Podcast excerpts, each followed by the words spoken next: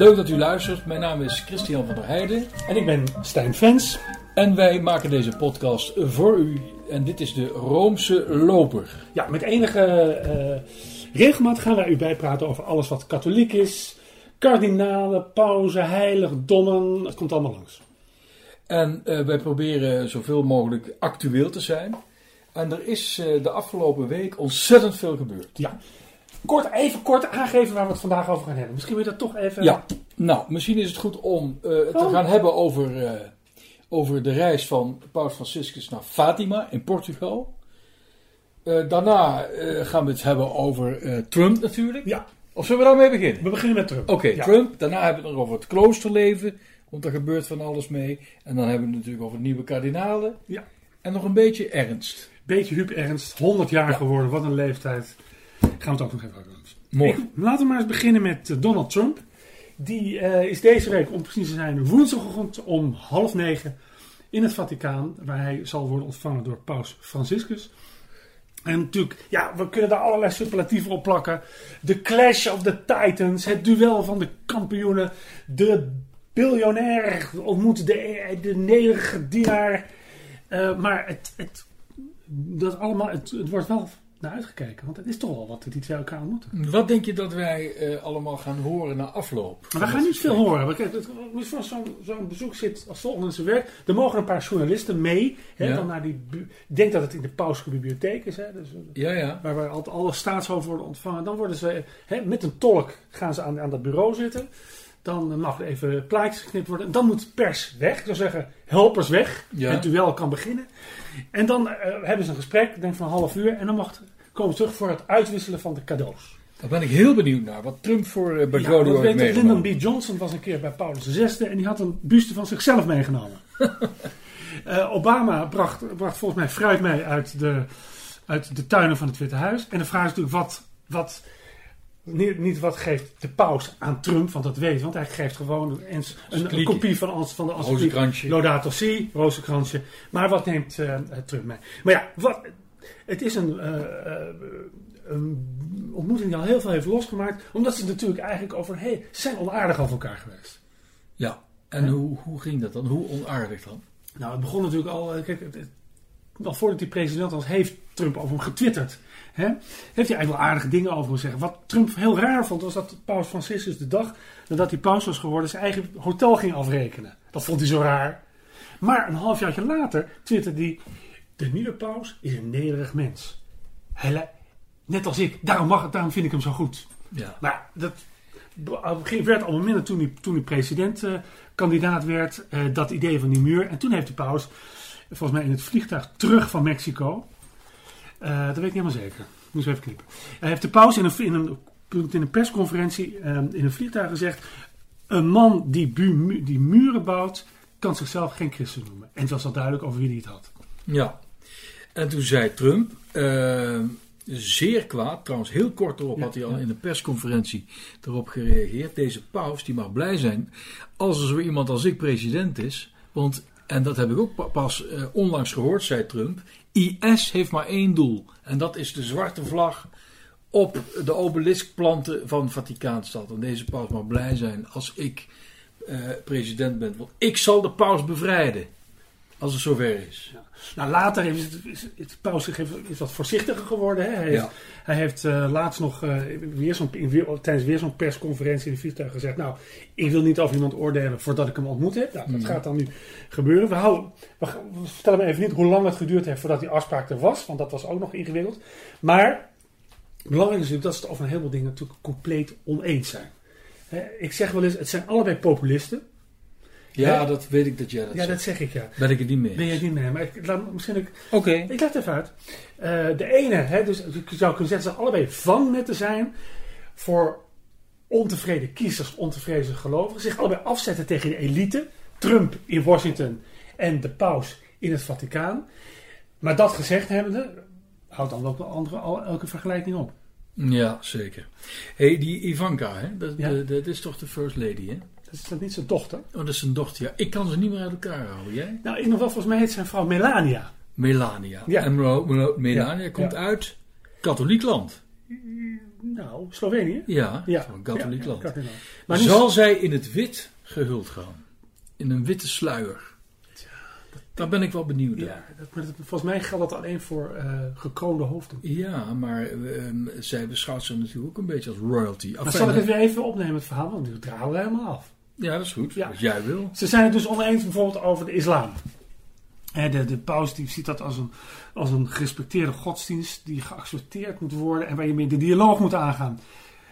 Trump gaat het liefst de confrontatie zijn, hoewel hij. Nou, in nou, in Saudi-Arabië heeft hij niets van te merken. de toon iets gematigd. Nou, vluchtelingen, daar zijn ze natuurlijk toch. De paus gaat op reis naar Lesbos en neemt de vluchtelingen mee. Ja, En laten we wel zien dat Trump er toch op lijkt alsof hij ze het liefst tegenhoudt, vluchtelingen. Met name illegale, vlucht, illegale vluchtelingen. ja.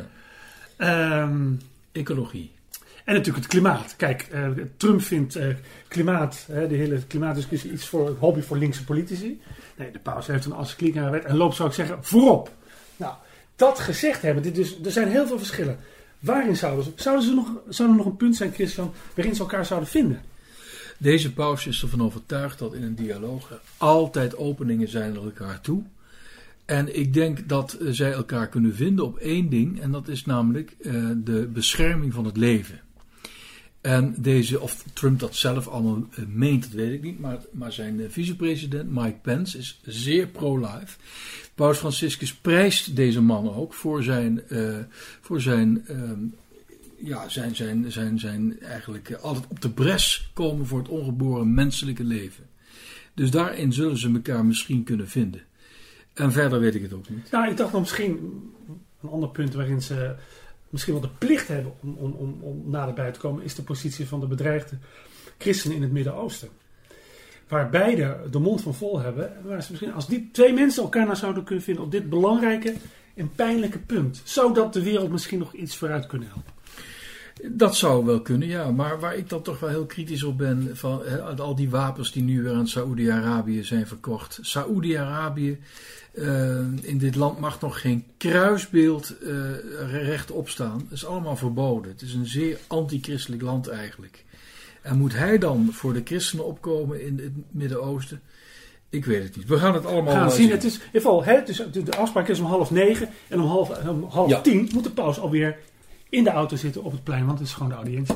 Ja. Dus heel, heel veel tijd hebben ze ook niet. Nee, dat is waar. Ik zeg eh, bumper.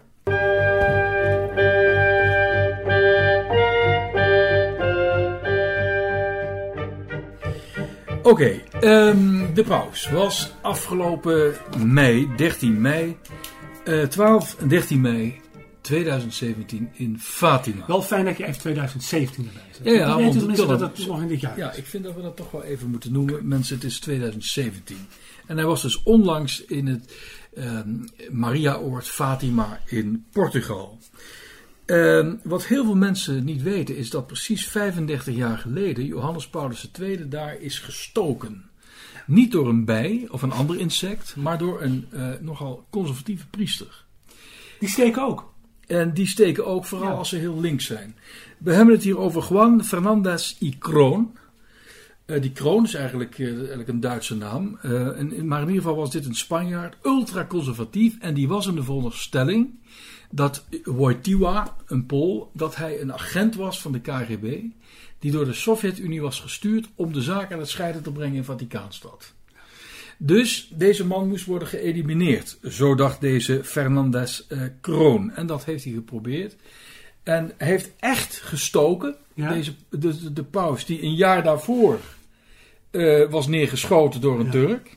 Men zei dat deze Turk, Mehmet Ali, dat die eh, door de Sovjet-Unie was ingehuurd. Ja. We weten het, het precieze Nee. na- nog niet Maar hij heeft echt gestoken. Hij heeft echt gestoken. Maar heeft hij de paus geraakt? Hij heeft de paus zeer gehad, dat weten we allemaal, door zijn assistent van toen, de, de huidige aartsbisschop van, van Krakau, kardinaal Ziewicz, die heeft dat... En- en- en- hij- Oh ja, ja, hij is emeritus, neem me niet kwalijk. Ja. En die heeft dat, eh, ja, we moeten wel scherp We blijven. moeten inderdaad. scherp zijn, anders lopen ze met ons weg. Ja, je hebt gelijk. De emeritus, eh, en die zei toen, eh, hij heeft eh, met een bloedende wond, heeft deze paus, want het is een bikkel, heeft hij gewoon rondgelopen. En het hele pausbezoek, dat tot 15 mei duurde, afgemaakt. Ja. Nou, wat is er met die Fernandez Kroon gebeurd? die is natuurlijk meteen overmeesterd, in het gevangen gegooid. Daar heeft hij drie jaar gezeten, terwijl hij veroordeeld was tot zes jaar. En uiteindelijk is hij nog eh, eh, opgedoken in België. Daar heeft hij ook nog in 2000 iets geks gedaan. Tijdens een staatsbezoek van Juan Carlos en Albert, koning Albert. Hij was in de veronderstelling dat eh, Juan Carlos, de koning, eh, zijn jongste broer, Alfonso, had vermoord. Meer merkwaardig. Maar deze kroon, beste Christian, heeft de zaken niet echt op een rijtje. Nee, eh, maar hij schijnt nu wel normaal te zijn. Hij heeft trouwens een Facebookpagina, die heb ik eh, onlangs bezocht. Ja. Daar wordt er reclame gemaakt van zijn boek dat hij vorig jaar heeft gepubliceerd. En eh, de titel van het boek luidt Kroon, El Cura Papacida, Confession y Apologia. Zou je dat nog één keer kunnen zeggen? Ja, dat is in het Nederlands zal ik het dan doen. Kroon, de priester, Dat is veel minder leuk. pausmoordenaar, hè? dat is de papacida. Papas, papocide is dus eh, de pausmoord. Beleidenis en excuses. Hij heeft dus eh, nu, is hij, hij is nu tot het inzicht gekomen dat wat hij toen deed toch wel heel fout was. Beter laat dan nooit. Ja. Nou, Maar even Eh, over Fatima. Hè? ja, Fatima. Fatima. De, de paus heeft daar twee van, die her- drie, twee van de drie herderskinderen die 100 jaar geleden die boodschappen van Maria daar hebben eh, doorgekregen. vermeende verschijning. vermeende verschijningen. Hij heeft die twee van die drie herderskinderen heilig verklaard. Ja. Maar Christian, zijn eigenlijk alle kinderen niet heilig? Ja, dat is natuurlijk een hele goede vraag. Ehm, ze zijn sowieso door de erfzonde eh, bevlekt. En het doopsel wast deze smet af. Hè? Ja. Dus eh, door het doopsel zijn alle, tenminste, dames en heren, eh, dit is de leer. Hè? Dus, die, die, die, dus, dus normaal, dit is niet a titre personeel dat ik dit zeg, maar de leer zegt: de erfzonde wordt afgewassen door het doopsel. Dus daarmee zijn alle gedoopten heilig. Maar eh, die, die neiging tot zonde die blijft. En de meeste mensen die vervallen dan weer in de zonde. Maar de, oer, de, de, de, de, de oerangel die is eruit getrokken. Nou, een kind loopt natuurlijk veel minder risico om een zondag te zijn dan een volwassene. Hoewel, als wij al die verhalen horen over kinderen die worden gepest door hun leeftijdsgenootjes. Nou, ik geloof er niks van dat kinderen sowieso heilig zijn. Wat valt er dan nog meer te zeggen over het be- bezoek van de paus aan dit bedevaartsoord? Nou, eh, dat hij. ehm, eh, ja, eigenlijk vind ik het altijd interessant als de paus teruggaat weer naar Rome in het vliegtuig, wat hij dan allemaal zegt Ja. in de persconferentie. En daar heeft hij opmerkelijke uitspraken gedaan over de vermeende verschijningen in Medjugorje. Ja, even uitleggen, wat is dat? Medjugorje, dat ligt eh, tegenwoordig in Bosnië en Herzegovina. En daar heeft begin jaren tachtig, volgens de overlevering, eh, heeft Maria het zich daar laten zien. Ook weer aan jeugdigen, Ja, aan kinderen, ze waren wel wat ouder. En volgens een aantal van die kinderen en nog een andere groep Ja. verschijnt Maria daar nog steeds. Nou, daarvan zegt paus Bergoglio, die zegt... Franciscus heb je het dan over. Franciscus die zegt, nou, dat Maria nog steeds verschijnt en dat ze zegt, op, op, op, op, op dan en dan verschijn ik. Eh, dat is Maria niet, want Maria, de moeder van Jezus, is, is geen beambte op een telegrafiekantoor die zegt, jongens, nu ga ik me tot de wereld richten. Dat kan niet. Maar, zegt hij, en dan baseert hij zich op een kardinalenrapport van de commissie Ruini, die zegt die is eerst... een kardinaal die de voorzitter was van Ja, de commissie? precies. Even uitleggen hoor. Ja, dat is waar. Ja, en die zegt van we moeten een onderscheid maken tussen de eerste zeven verschijningen Ja. en al die verschijningen die tot op de dag vandaag nog zouden voorvallen. En de eerste die zullen wat authentieker zijn dan de huidige. Ja. Dat heeft hij toen Het, gezegd. het- maar het blijft, er gaan heel veel mensen daarheen, hè, naar Medjugorje. Heel veel komen ook tot bekering en zo. Ja, en is dat dan allemaal in één keer niks waard? Maar zou je kunnen zeggen dat, dat los van het feit of Maria daar nou na die eerste zeven keer nog door blijven gaan. Met waarschijnlijk alles wat daar gebeurt aan bekeringen, dat kun je toch als paus goed vinden. Los van het feit of Maria daar nog steeds, van de vraag of Maria daar nou elke dag nog Ja. steeds verschijnt. Eh, en dan al- allemaal onder het motto: God schrijft recht op kromme lijnen. Ik zeg bumper.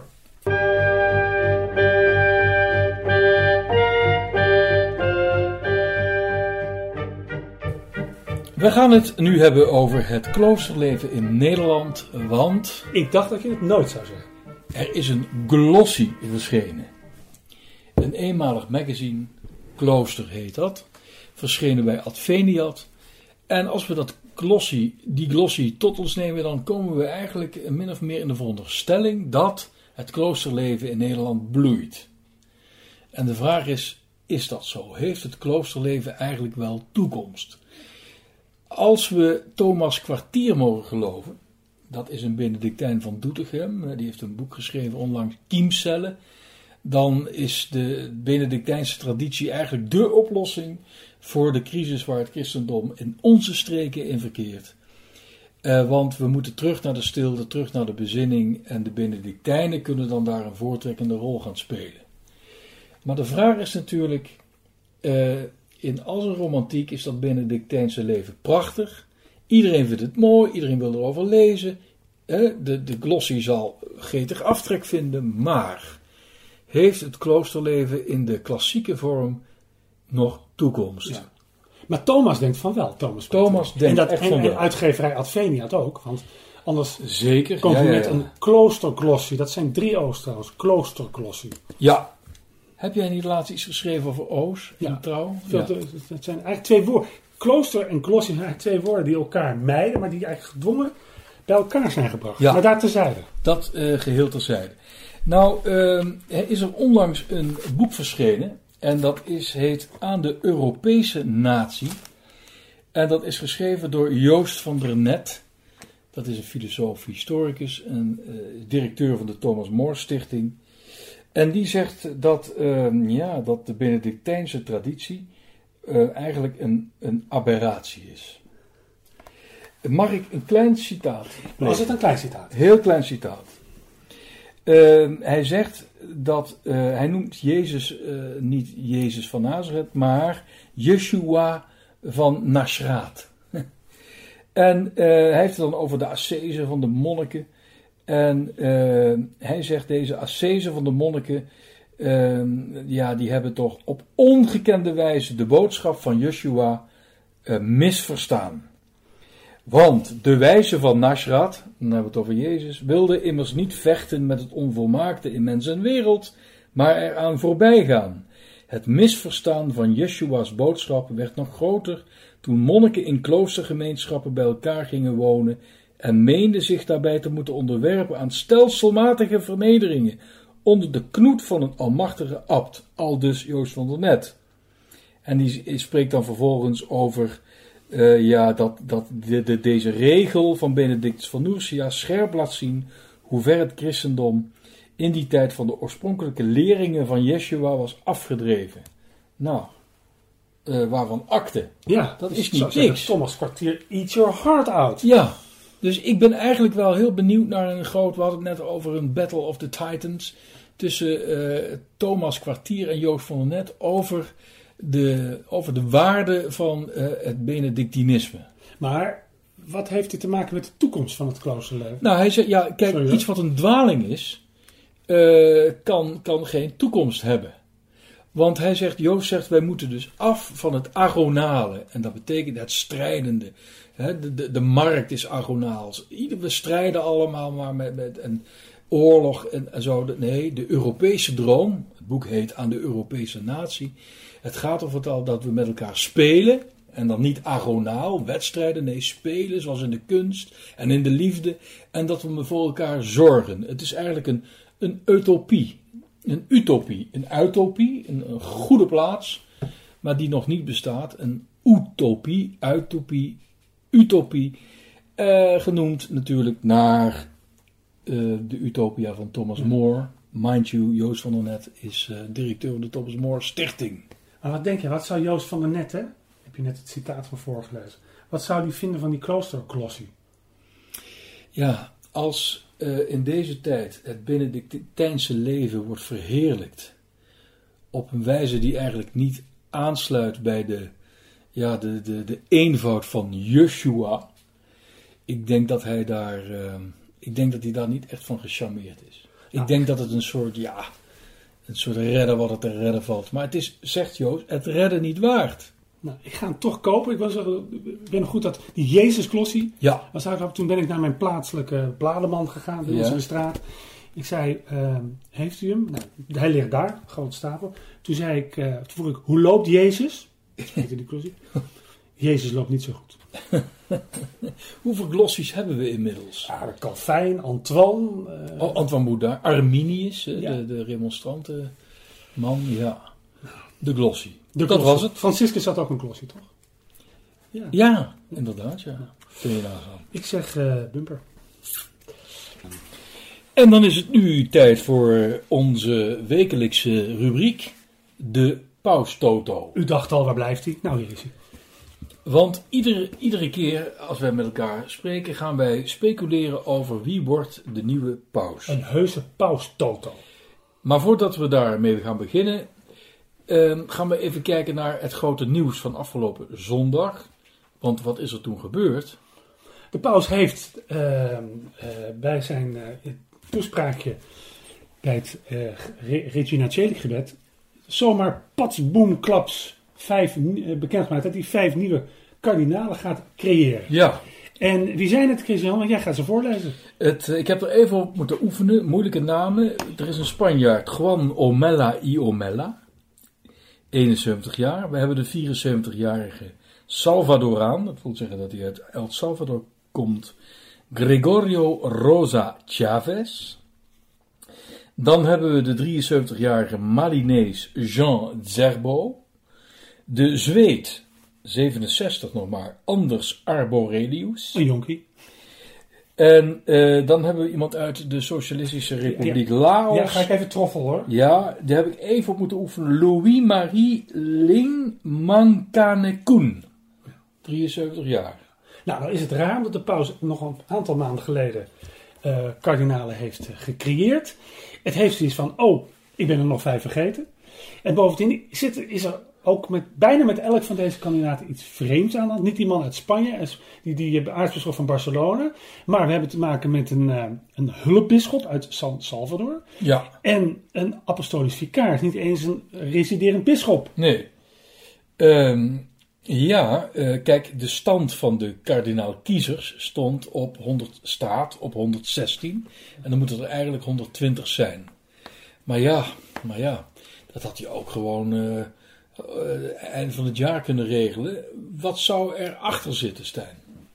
Nou ja, ik denk, ik, kijk, er gaat een. eh, eerst moeten we even, even, even zeggen dat ook met deze kardinaalscreatie de paus laat zien dat hij dat kardinalencollege te Italiaans vindt. Ja. Er zitten nu ook geen Italianen bij. En te Europees. Dus hij wil dat dat kardinalencollege een weerspiegeling is van die wijsheid, die universaliteit van de wereldkerk. Hè, dus eh, dus er zitten een aantal landen bij die nog nooit een kardinaal hebben gehad. Dat gezegd hebben, dus in die zin is het geheel in lijn met hoe deze paus tegen dat kardinalencollege aankijkt. Hij wil dat de mensen die straks gaan kiezen, die zijn opvolger gaan kiezen, dat die uit alle hoeken en gaten van die wereld Ja, dat noemt hij katholiciteit. Ja. Ja. Dat wil zeggen dat het de, de universele kerk geografisch eh, vertegenwoordigt. Maar, maar dan nog, waarom op dit tijdstip, zo vlak voor de zomer? Ik las een, ergens op internet de volgende theorie. Die paus, hou je vast, heeft besloten om af te treden. En hij wil dat, de, dat die vijf, hè, die nou zondag bekendgemaakt hebben, die alle vijf mogen meedoen aan een eventueel conclave, dat die bij dat kiescollege zitten, die gaat beslissen over zijn opvolger. Nou, dat is, dat is niet niks. Maar als ik hem zo zie, dan is hij toch nog fit. Het is niet iemand die echt met zijn tandvlees eh, opvolger van Petrus eh, staat te zijn. Nee, maar, maar misschien heeft hij er geen zin meer in. Ja, maar hij, hij lacht nog. eh, het is echt showtime, hè? Iedere woensdagochtend. Hij vindt het leuk. Maar misschien nog belangrijker, de vraag is, zitten bij deze vijf nieuwe kardinalen, zit Ja. daar de Ja. nieuwe paus bij? Want dat is de rubriek, hè? Ja. Wie wordt de nieuwe paus als deze de huidige aftreedt of sterft? Eh, Ja, ik, ik, ik ga een hele gewaagde eh, voorspelling. Ik doe weer tromgeroffel. Eh, we hebben het hier over een zweet. Ja, dat is Anders Arborelius. Dat wordt volgens mij de nieuwe paus. En weet je waarom? Omdat deze man voldoende uit het centrum van de kerk heeft gezeten om eh, te kijken wat, wat, wat die kerk allemaal mankeert. Ik denk dus dat het geen bisschop wordt uit een hyperkatholiek land zoals de Filipijnen. Nee, het wordt deze Anders Arborelius. En deze man die is op zijn twintigste bekeerd tot het katholicisme. Is in 1998 eh bisschop geworden van Stockholm. Hij was de allereerste Zweed die aan het hoofd kwam te staan van een Zweedse eh, kerk, katholieke kerk, na de reformatie.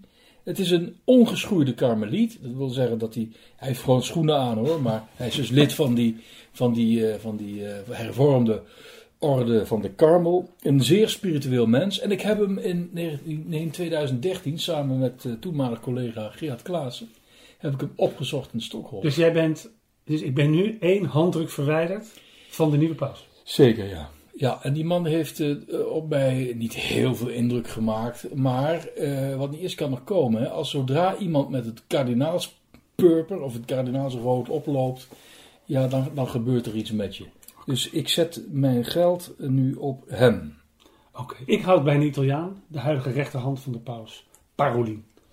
Ja, ja, dat hoor ik jou al heel lang ja, zeggen. Ik hoor, ik hoor geluiden in Rome dat hij zich aan het warm maken is. Ja. Om toch nog een tree hoger te bestijgen in de Ja, maar dat hoor je in Rome. Dat, kan, dat kun je wel in Rome horen. Maar het moeten toch die kardinalen uit, ja. uit Indochina, uit Mali en al die, die marginale gebieden in de wereld, die gaan het bepalen. Ja, maar al die kardinalen en al die bisschoppen uit de hele wereld die naar Rome komen, die ontmoeten de paus en die ontmoeten Paroli. Ze kennen heel veel mensen kennen Ja, je, je kunt er eigenlijk niet omheen. Hij is dus eigenlijk kardinaal bij uitstek. Scharnier. Scharnier. Scharnierfunctie. Je kunt er niet omheen. Ik hoorde de, de, de, de tune al, de eindtune al komen. We moeten toch nog even Huub Ernst noemen. Uh, ja. Uh, overleden deze week 100 jaar. Lieve man. Um, mag ik een kleine anekdote vertellen? Nou, nou als, je, als, je, snel bent.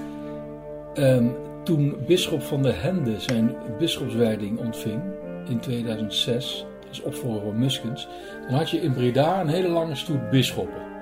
En je kon daar prachtige foto's van maken. Ik deed daar verslag van en ik maakte daar ook wat foto's bij. En ik denk, ik ga tegen die, die kerkdeur aanzitten en ik, ik, ik sta niet goed en ik val. En, me, en me, ik, mijn knie raakt geblesseerd. Het was verschrikkelijk. Al die bisschoppen die in de stoet van buiten naar binnen liepen, die liepen stoïcijns. Die zagen mij niet eens, maar er was er één die mij wel zag. En die zei, gaat het? En dat was bischop Ernst. Deze man die had altijd... Veelzeggend. Had vooral oog voor de vallende medemens. Dat de engelen hem mogen gedaan.